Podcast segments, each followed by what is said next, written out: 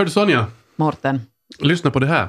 Stall, rostat bröd, kära, ättika, viol, eh, fuktiga löv, gröna blad, tobak, cigarrlåda. Vet du vad det här är? De här orden. V- vad orden är? Ja. Olika eh, prylar som, som eh, ingen aning vad du är ute efter. Det här är alltså ord som man använder rätt ofta för att beskriva hur ett vin doftar eller smakar. Aha. Vinets aromer. Det som fångade min uppmärksamhet var ordet stall. Så om ett vin smakar stall eller doftar stall, är det en bra sak? Jag vet, jag vet. Det, det är lite, och jordkällare, är det nog Mm. också kiva? Att ett vin doftar så. Nå, de ligger ju oftast i någon jordkällare. Och, Men, men, men i och för sig, de här är alla positiva, i posi- positiv bemärkelse man använder de här orden. Så att eh, det måste ju vara någonting bra. Till dagens agenda hör du, för det ska Mm. handla lite om det här. Eh, det är ju så att i snart 20 år har vi gjort tv-programmet Efter nio, det vill säga flera hundra program. Och ett sådant här återkommande tema, eller inslag i vårt tv-program, så har ju varit mat eller dryck. Och vi har haft otaliga mat eller dryckexperter i vårt program, vissa återkommande. Och de har bjudit oss på en massa härligheter som vi då har fått smaka på. Men en grej som alltid har varit lika utmanande, åtminstone för mig, jag vet inte hur det är för dig, så det är när vi smakar på de här maträtterna eller dryckerna i, i vårt tv-program. Så ropar de alltid från eh, kontrollrummet, producenten eller någon att beskriv vad ni smakar, hur det smakar och beskriv vad ni känner. mm, Och det är alltid lika svårt. att Hur ska jag beskriva det här? mm. Håller du med? Jag håller absolut med. Jag har själv en väldigt känslig näsa. Jag är väldigt bra på att känna dofter. Men att beskriva dem Mm. är helt ett eget kapitel. Du talar om det här med vin. Ehm, jag har en bok där hemma som är skriven av Matt Skinner. Matt Skinner har jobbat ihop med Jamie Oliver. Matt Skinner är, är sommelier och han har eh, skrivit några vinböcker. Jag, jag är inte någon sån här vinhobbyist som du, men, men, eh, men den här boken är extremt intressant för att den heter I heard it through the grapevine. Mm, bra titel. Och, definitivt. Och han eh, svarar på väldigt enkla frågor kring vin och så här. Men i några uppslag så finns det bilder på en massa olika råvaror och produkter. Det till exempel just citron eller eh, kakao eller kaffe eller något sånt här. Och det, den här kartan är till för att hjälpa en att navigera i den här doftdjungeln Mm. eller smakdjungeln. Okej. Och jag märkte någon gång att när jag tittade på de där bilderna så var det mycket lättare för mig att beskriva, ah, nu ser du, här är ju den här nejlikan eller här är den här pepparn. Men att det skulle komma utan en sådan karta är helt Mm. jättesvårt. Men jag antar att vi kanske ska bli bättre på det här idag. Kanske. Kanske. För att idag ska det handla om just det här, om smaker och dofter. Sonja och jag kommer att bli utmanade i att smaka på eventuellt lite utmanande råvaror. Men också om att försöka beskriva det som vi så att säga får smaka på, eller som vår gäst kommer att bjuda på. Veckans gäst är matskribenten Kenneth Nars. Han är ju känd som Efter Nies egna huskock. Och han kom hit med en kass när vi såg honom i morse och där, där borde finnas en massa läckerheter. Men eh, vi ska väl också få lite hjälp med att lära oss att bli bättre på att beskriva och, och, och fundera vad, vad, vad är man ute efter i en god smak. Vi ber in Kenneth Nars. Hjärtligt välkommen med Kenneth Nars. Tack så mycket. Du kom in här i studion med en bricka, sex genomskinliga glas Mhm. Med sex genomskinliga vätskor Mhm. i. Japp, Mycket Visst är det lite. vodka? det är det vi ska se snart. Mycket, mycket vät, lite vätska i på botten kan man Ja. säga. Så det är en centimeter högt. Nå, berätta nu, hur har du tänkt utmana oss idag? Eh, jag ska, vi ska bara leka lite med, med, med smaker helt enkelt. Det är kanske inte ett regelrätt tema här, annat än just smaker. Och det där vi går igenom, eh, det är ganska dryckfokuserat. Vissa saker kommer ni att se då ni smakar på dem, vissa kommer ni inte att se då ni smakar på dem. Eh, vissa kommer att vara ganska kanske nyanserade, vissa kommer att vara ganska kraftiga och knockande. Eh, så talar vi kanske lite också om, om det där texturer, vad det, vad, det, vad det är, det vill säga känslan av det som man har i, i munnen och smakar. Men hur mycket kommer doften att spela en roll här då? Eh, Det kommer, som jag sa, det kommer, vissa så kommer ni att få dofta, vissa kommer ni bara att känna smakerna. Okej. Och det ändrar på förvånansvärt mycket. Jag, eh, bara innan vi går vidare så, jag nämnde här åt Sonja att jag har haft problem med den här vinterminologin. Att Mhm. beskriva ett vin. Mm. Jag tycker att den är jättesvår eh, och jag hittar inte alltid de rätta orden Mm. och så vidare. Hur, hur är det med dig? Um, no, jag klassar mig inte heller som någon, någon vinexpert, men det där, det som, man ska, det som är en bra tumregel är det att man ska slappna av, man ska inte vara för, man ska inte stressa för mycket, för att då blir man låst. Eh, det som hjälper otroligt mycket för mig är, är det där är minnen och uh, minnes liksom kopplingar Mm. eh, med ställen, situationer, tidpunkter, människor också jättemycket. Okej. Eh, På det sättet så kan jag komma ihåg, jag menar min, min vinkarta så baserar sig ganska mycket på de sakerna. Det här betyder ju egentligen att våra smakupplevelser är ju väldigt subjektiva. Det är ju en Absolut. annan sak med sommelier och, och vinkännare som, som har ett, ett ordförråd och har blivit så att säga skolade till Mm. att, att klara av att, att urskilja vissa smaker. Ja. Men, men allt är ju helt jättesubjektivt. Och det är där också som jag menar vissa, en, en, en vanlig sommelier, så hans uppgift är att, att säga det här vanliga, ja så har vi här en Riesling från en mm, södra Tyskland och den har en lite mineralisk smak och lite eftersötma. Alla de här sakerna är ganska liksom lätta att räkna ut. Det som jag tycker att är intressant och roligare egentligen är ju att inte höra de här självklara sakerna eh, som liksom är så som det ska vara. Utan istället så säg någonting, säg någonting galet, säg någonting vad, vad, vad du tänker om det, säg vad det påminner om, säg vad det, hur det får det, det att kännas eller så vidare. Precis, eller en anekdot. Exakt. Vet du vad jag var när jag testade det här Mm, första exakt, gången? Jag tycker de exakt. bästa sommelierna är just de som, vet du, allt, allt det där bes- beskrivande går för mig förbi helt Ja, totalt. ja, ja. Men just när det kommer sen sådär att, ah, jag satt på en båt Mm. som höll på att sjunka. och så tog jag mig en gin tonic. Nåväl, du nämnde ordet, eh, att, eller du sa att man också ska slappna av när man Mm. gör det här. Både mentalt och kanske till och med också fysiskt. Så det där ska man inte, jag menar det att, att sitta på en, en, en vinprovning, det kan vara intressant, men jag, jag, jag, ja, då, då fokuserar man ju på det. Men den fokuseringen så kan ibland göra att man går i lås och så tänker man, så frågar människorna ofta sig, speciellt de som inte, inte så, kanske, som inte jobbar med vin och smaker, så frågar sig, vad är det jag ska känna? Vad borde jag säga? Och det här är ju liksom det jobbigaste, att, att säger jag fel? Eh, Och det är ju det som liksom gör vårt vin smakande tråkigt. Samma gäller andra saker också, bröd, ost, eh, kött, vad som helst, grönsaker.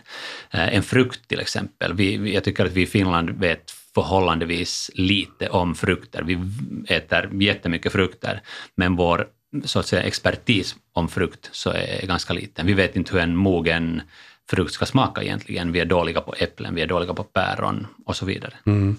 Kanske inte alla, men, men, men så där, generellt så, så är, det, är det så.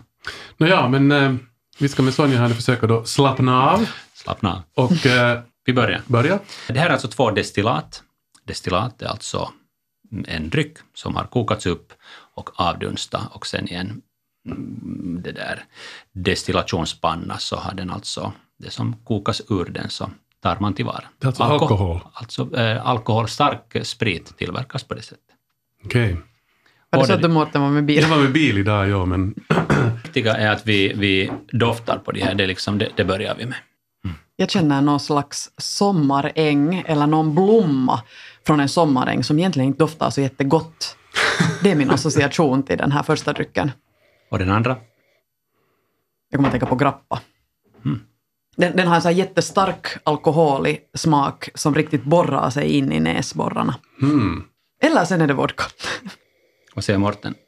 På den här till vänster. Mm. Jag måste säga att jag är, inte riktigt, jag är inte riktigt säker. För mig kanske det inte doftar grappa, men jag är, som nu är jag inte säker. Mm. Men jag tycker att den har en mera spännande doft. Mm. Den, den är liksom lite mera utvecklad på något sätt, Mhm. medan den här till Mm. höger bara, Mm. bara doftar vodka. Mm. Det som vi har i våra glas är en ehm, ganska traditionell uh, världsberömd gin Okej. på 47 procent alkohol. Den andra är en världsberömd alkoholfri gin What? som Okej. också är destillerad, men den har alltså 0 procent eh, alkohol i sig. Hur försvinner alkoholen ur den? Eller hur? Eh, Det här är alltså ett destillat av en smak, sammansättning och kryddning som påminner om gin och sen har man manipulerat den så att den ska ha en liknande smak som gin. Man har alltså balanserat och vänt om på de här olika smakkomponenterna. Men som ni märkte på doften så tyckte ni till och med att den var, den var trevligare, den var intressantare, den Mm. hade um, en mångfald av smaker, sommarängar och sånt. Mhm. Ja, alltså det kan man ju säga, ja, nu när du, när du säger det. Så båda doftar ju på något sätt alkohol, Mm. egentligen. Mhm. Men sen när du smakar på den alkoholfria så smakar den ganska platt. Mm. För där fattas helt det där. Mm. Hmm. Och det här är alltså en engelsk uppfinning, säger de, som har f- fått mycket, en del beröm, ganska mycket kritik också. Den är inte helt billig, den här flaskan. Eh, men eh, tillsammans med till exempel olika mm, blandisar med tonicvatten och sånt, så, det där, så får man faktiskt en ganska intressant eh, dryck av den här som är helt alkoholfri. Men Det, det, det, jag måste bara säga en sak här, att, att, att mitt luktminne är tydligen skit.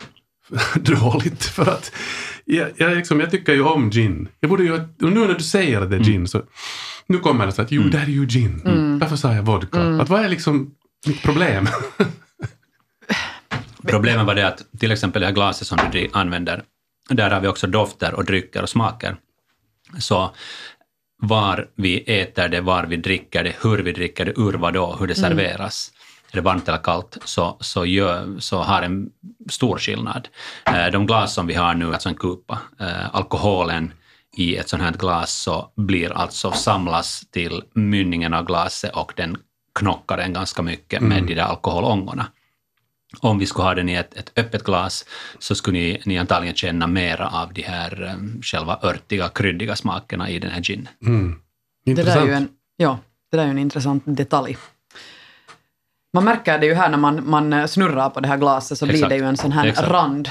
Som ju Och det oftast, ser vi, jag menar det som är, är det där alkoholens, hela alkoholens mångfaldiga intressanta kemi har ju också att göra med texturer. Att till exempel viner, eh, alkoholdrycker, eh, lagring av gamla drycker. Så det som det gör åt, åt själva konsistensen och sammansättningen av den, så det, det är otroligt intressant. Och det är det som också påverkar hur munnen uppfattar de här smakerna. Är det tunt? Är det tjockt? Har den, eh, hur, hur, hur det där, vad är densiteten egentligen där? Är den grumlig? Är den inte? Är den klar? Är den filtrerad? Sådana saker påverkar mycket. vet ni vad som är en ganska intressant detalj? Efter att jag hade druckit den här ginen Mm. då, med alkohol, så mitt i att börja min läderrock dofta jättestarkt. Eller att jag känner doften av min läderrock. Vad beror det Ja. på då? Det Nej, kanske det, någon slags doftsinne har öppnat sig. det, det gör det och, och jag menar det är helt som vi då vi använder parfymer vars bärande, bärande det där eh, aromämne ju ofta, eller som binder ihop det, ofta är alkohol eller oljor. Så där har vi också två av de mest eh, kanske intressanta smakbärarna inom vårt, för vårt smaksinne. Det är alkohol och det är fett. I matlagningen har vi fettet som, som, det där, som binder ihop smakerna, utvecklar dem eh, och, eh, och eh, i drycker så alkoholen, det var ju alltså för snart tusen år sedan så, som det där, det var faktiskt munkar kineser antagligen i, i Kina som, som uppfann destillationen. Eh, och den stora liksom, aha, hurra-upplevelsen, heurekan var att man kunde utvinna smaker och lekande ämnen ur växter. Det var det som var den fantastiska uppfinningen. Sen kanske de var lika glada för att de fick se en rejäl fylla då de drack det. Men, men, men, men saken med alkoholen var faktiskt den att nu får vi ut alla de här ämnena och smakerna ur de här örterna som man annars måste liksom tugga i sig eller som man måste utvinna med vatten och sånt, vilket inte var jätteeffektivt. Mm. Det var ju superintressant. Ska vi uh, gå Ska vi vidare? fortsätta? Ja. Jag går Du går efter nästa Ja. tyck. Mm, Det här är spännande. Itse jag är nog så... Jag failar alltid i sån här test.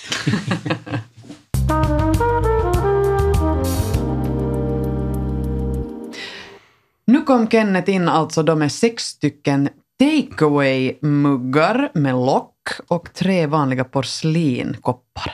Vad har du i tankarna?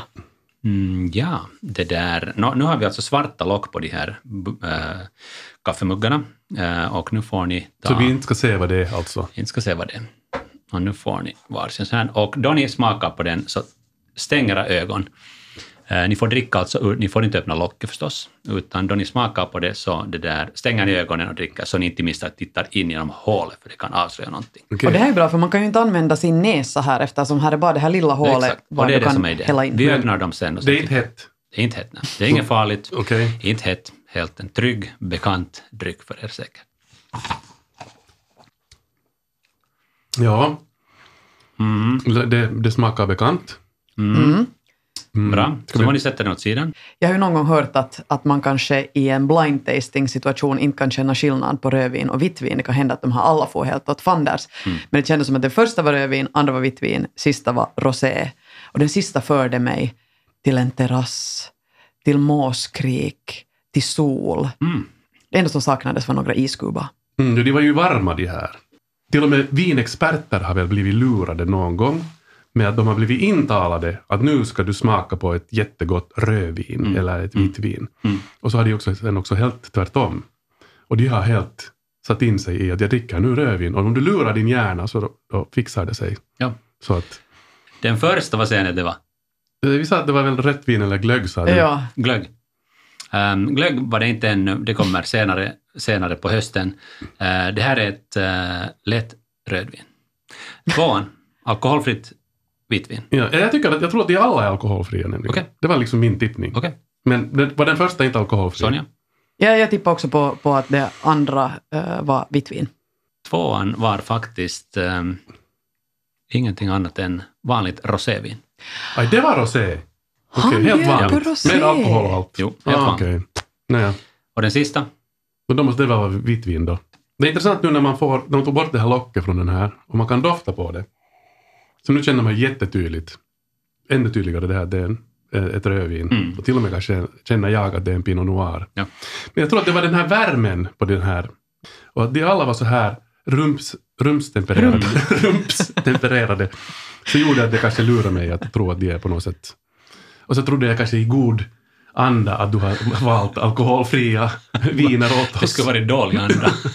Men det här bevisar ju bara hur, hur eh, hjälplösa vi är när vi inte ser Mm. egentligen. När, när vi bara ska lita på vårt uh, smaksinne eller vårt luktsinne. Mm. Att det, det, det är inte alls så lätt. För att inte tala om hjälplösa när vi inte vet. Mm. Nej, nej, Att- precis. Men jag tycker det är intressant som, som du som Morten är en, en eh, vinälskare och det, det är ditt hobby, din hobby. Så i en sån här situation blir du lite osäker. Och det kanske har också att göra just med en viss sorts, kanske, jag vet inte, nervositet som kommer i och med att du vet att du borde veta. Mm. Och sen, sen sätts man lite på. Mm. pottan Ja. och så kanske man inte kommer så långt. Det här var ju det som du hänvisade till tidigare, Ja. Kenneth. Så, så jag har inte ska- lyckats nu med det här som du sa, slappna av. Utan nu sitter jag här stressad, det här ska jag kunna. Du sitter här som vinexpert, så, Sonja chillar. Ja. Jag bara såhär, Hon är på terrassen och måsarna skriker och... Nåja, Har du ska vi hittat- ännu? Ja, har du hittat på något till ännu? Det har jag. Så nu Sonja, gav du åt oss äh, igen ett sånt här litet äh, Vad? sån här kupa, ett Ja. sånt glas, Ja. som är en mindre kupa. Ja. Och äh, ja, vad är får ni det? dofta. Vad tror ni det är? Dofta först. Min första association är en sån här saft som jag tyckte om när jag var liten. Okej. Som har med, med persika att göra, som man Okej. fick i en sån här glasflaska.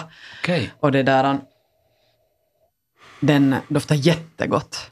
Ah, lite så här pyréaktig. Lite puréaktig Ja, mm. doft, men, men, men underbart så här somrig fruktdoft. Känner du det Har jag fått Morten? samma sak? Nej, jag tycker att det här doftar illa. Mm. Jag tyckte, att- ja, det doftar ju rumpa det här. Förlåt. Har du gett något annat åt mig? Det- Bråkar du med Det är mig? samma. Det är samma. Hur kan upplevelsen vara så Alltså, jag tycker att Du det här hade ditt, du hade ditt, eh, ditt kära smakminne. positiva smakminne. Jag tycker den är ljuvlig. Och Ljuvlig eh, doft. Mårten hade ju ett annat smakminne, Det här, var- doftminne. det, här, det här doftar illafaret och lite sådär urinaktigt, på riktigt alltså. Något ställe du kan koppla ihop det med? Nå, En bajamaja. nej, utan jag tänker just, jag tänker just på någon sån där ha, du vet, du ett, ett stall eller en vet du, kos, kossor i en, i en lada. Inga frukter för dig. Nå, något lite, men alltså inte det här nu så här jättebehagligt, den här doften. Förlåt. Jag. Ingenting, någon barndomssaft positiv? tänker jag på. Är den positiv för dig? Det är helt totalt positivt. Okej, Och den är negativ för Mårten. då ska vi smaka. Vilken överraskande upplevelse för att det hade ganska mycket kolsyra och det bubblade ganska mycket i, i, i munnen. Jag hade Mm. inte väntat mig det. Fast man såg såklart på ytan att det fanns lite Mm. bubblor och så här men Det här var inte gott. Förlåt. Det, det smakar lite surt. Sonja? doften var bättre än smaken. Mm. Och vad tror ni att det är det? Ja, vad skulle det här kunna vara? Det är något så här mjödaktigt. Eller är det här någon sån Eller- här, vad heter det här, kombucha? Eller något sånt här. Vad tror du? Nu- när du sa kombucha så kom jag att tänka på att eh, det fick mig direkt att associera till någonting lite fermenterat. Men jag är jätteförvånad över att doften och smaken inte alls korrelerar. Att, att så som det känns i munnen är inte alls den vackra upplevelsen som jag hade Och när är jag sniffade på det. är, det, är det persika det här? Jag tror det. Det här, ett, aprikos. det här är ett eh, persiko och aprikosöl. Aha, Så det finns eh, ingen annan frukt än lite persika, 20 procent persika och aprikos i den. Och resten är alltså öl, vanlig malt. Men ganska bra kände jag igen, måste jag säga. Alltså, Ja. Ja, det här är alltså ett suröl som man har låtit surna. okej. Och det där, eh, de har gjorts i alla tider i, i Belgien, kända sådana. Nu för tiden är det lite så här populärt att göra var som helst i mikrobryggerier. Vad skulle du kombinera det med i matvägs? Jag skulle tänka helt och hållet eh, som vitt vin. Eh, sen skulle jag tänka mer kanske på frukt. Eh, jag skulle tänka fisk, eh, lite lättare fiskrätter. Jag skulle tänka fast en något råa marinerade fiskar. Eh, sallader med kanske lite frukt i, med lite vinäger i. Det skulle den här fungera jättebra med. Eh, mycket bättre än, än många vita viner som har en liksom finare smakprofil som kan liksom störas av till exempel syra i maten. Så här har vi ett, ett, en liksom mera kanske bulldozer-aktig smak som kan köra över men också fungera med eh, andra syrliga smaker. Men du har ett eh, till glas med något annat Ja, som ser nästan likadant ut som det här som vi nyss drack. Som också ser ut som ett, ett öl. mm. dofta på det här så får ni fundera. Det här doftar klart öl. Ja, det här doftar ju mycket bättre. Och ett sånt här kraftigt öl. Ja, det här har, det här, eh, det har igen också en liten distinkt... eh, det doftar ju inte bara öl, utan Mm. där är någonting, någonting också lite fruktigt som känns som det skulle vara med där, Mm. Mm. tycker jag. Kanske den här experten Sonja här kan säga vilken frukt det är, om det är så att där är en frukt med. Ehm, nu kommer jag inte att tänka på någon frukt överhuvudtaget, utan jag, jag fick lite sån här svett-association här Okej. till den här, till den här ölen. Svett. Svett doftar är ju inte en svettig. dålig... Svett är ju inte... Jag säger, En, en, en, en svettig armhåla. okej. lite sådär som har eh, kommit i kontakt med våttextil, eller liksom Mm, okej. textil. Ja. Det här är viktigt för att till exempel svett, vilket ju kanske många lyssnare tycker låter, låter lite ofräscht nu att vi talar om, men, men gå och eh, gå till ett kryddskåp, ta spiskummin och krydda er mat, det vill säga standard indiska, eh, indiska och mexikanska, många andra mm, det där etniska köks grundkrydda. Sätt lite av det i handen och dofta på det. Vad doftar det? Jo, det, det, det, det luktar gammal svett. Orsaken till det är att det är exakt samma doftmolekyl som finns i spiskummin som finns i svett. Det, det är så enkelt. Eh, De har, liksom, de har ju inte någonting att göra med varandra, men de råkar vara samma. Det är därför de doftar samma. Okej, Och tror du att det är öl det här? Jag har inte smakat ännu. Mm. Jag ska smaka nu. Jag tycker det doftar och smakar öl.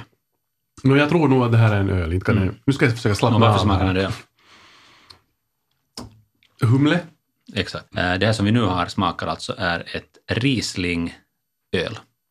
Eh, Det finns alltså Riesling-saft, eh, Riesling-druvans saft finns det i den. Det är det som ger den här lilla syran, som ger den här Okej. lilla frukten. Det här är alltså en av de här många, ska vi säga, hybriddryckerna som finns idag. Hmm. Ett veteöl med Riesling, eh, långt glas med isbitar. Jag har aldrig smakat på det, men prova på det i sommarvärmen. Det, det kommer att vara gott. Helt säkert. Veteöl och Mm. vanligt öl ska jag inte köra med, inte lager, men ett veteöl med Riesling och några isbitar.